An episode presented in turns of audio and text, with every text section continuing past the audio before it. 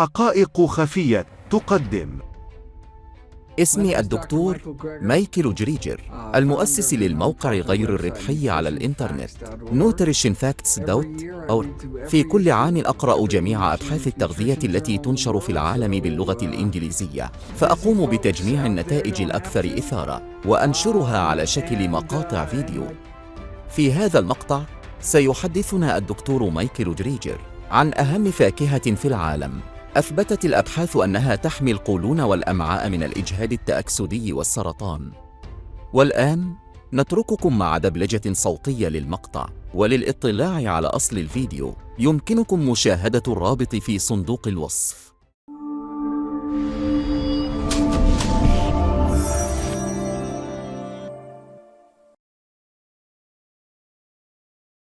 يعد التمر أفضل المحليات الطبيعية. وهذا ما قدمته في كتابي. كيف تطبخ حتى لا تموت؟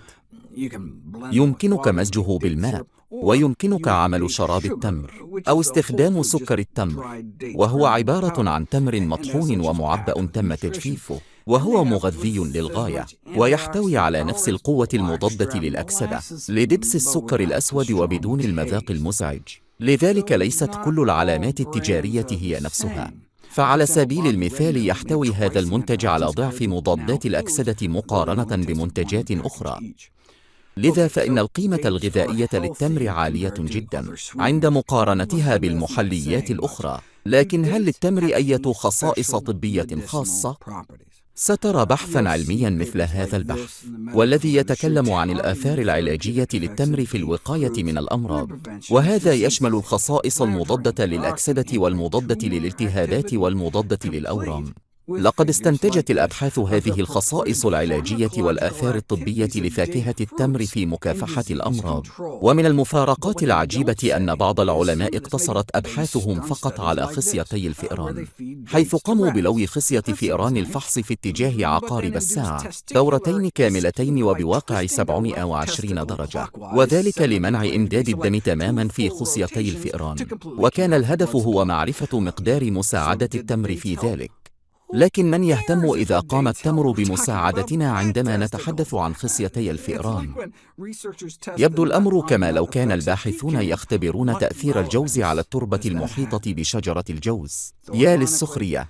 كذلك هناك أبحاث أخرى على البشر أكدت أن التمر يساعد بشكل كبير في تحسين المخاض لدى النساء وتحسين جودة الولادة الطبيعية وقد غطيت ذلك وتحدثت عنه من قبل. لكن دعونا نفتح أذهاننا هنا أكثر. ماذا عن التأثيرات المضادة للسرطان لفاكهة التمر؟ لقد درس الباحثون تأثيرات التمر على البكتيريا الصديقة في الأمعاء وتكاثر خلايا السرطان في القولون.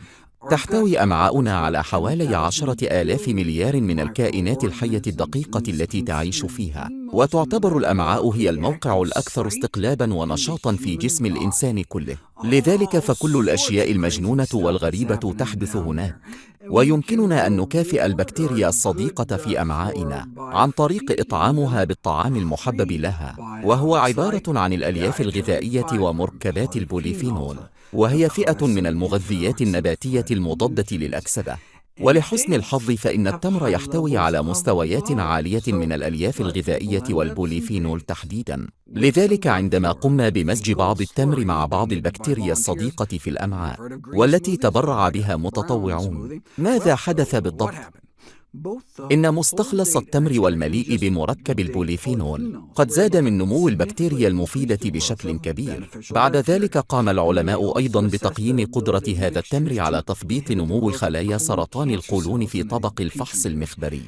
البوليفينول في التمر قام بتثبيط الخلايا السرطانية للنصف تقريبا. لكن مستخلص التمر الكامل قام بتثبيط نمو الخلايا السرطانية جميعها تشير هذه النتائج إلى أن استهلاك التمر يعزز صحة القولون عن طريق زيادة النمو البكتيري المفيد ومنع تكاثر خلايا سرطان القولون. من المفيد دراسة تأثير التمر على القولون الفعلي. هذه الدراسة لم تكن موجودة في السابق، لكن ولله الحمد تم إجراؤها مؤخرا. وبحثوا في تأثير استهلاك التمور على نمو البكتيريا الجيدة في الأمعاء والقولون. هذا البحث تم إجراؤه على متطوعين في دراسة تداخلية بشرية حيث تم إطعام هؤلاء المتطوعين سبعة حبات من التمر ولمدة أسبوعين.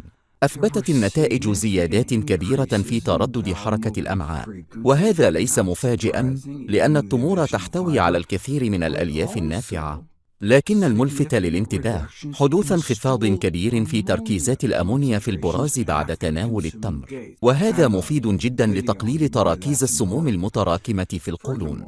كذلك قام التمر بتقليل السمية الجينية في السوائل البرازية. مما يعني ضررا أقل للحمض النووي وهو أمر رائع للغاية. فهذا يعادل تناول شربة لإزالة السموم البرازية من القولون عن طريق تناول سبع حبات فقط من التمر يوميا مما يقلل السمية الجينية أو ضرر الحمض النووي. وهذا مفيد قطعا لحماية البطانة الداخلية للقولون. لقد تم اختبار تأثير عشرات الأصناف من التمور ضد مجموعة متنوعة من الخلايا السرطانية في المختبر. ليس فقط سرطان القولون بل وسرطان المعدة والذي يكون التمر فيه على تلامس مباشر. وكذلك سرطان البروستاتا وسرطان الرئة والثدي. إنه من الواضح جدا من خلال النتائج أن المكونات النشطة والموجودة في التمر يتم امتصاصها بالفعل في مجرى الدم وينتهي بها الأمر في تلك الأعضاء لتحارب أي انتشار للخلايا السرطانية فيها.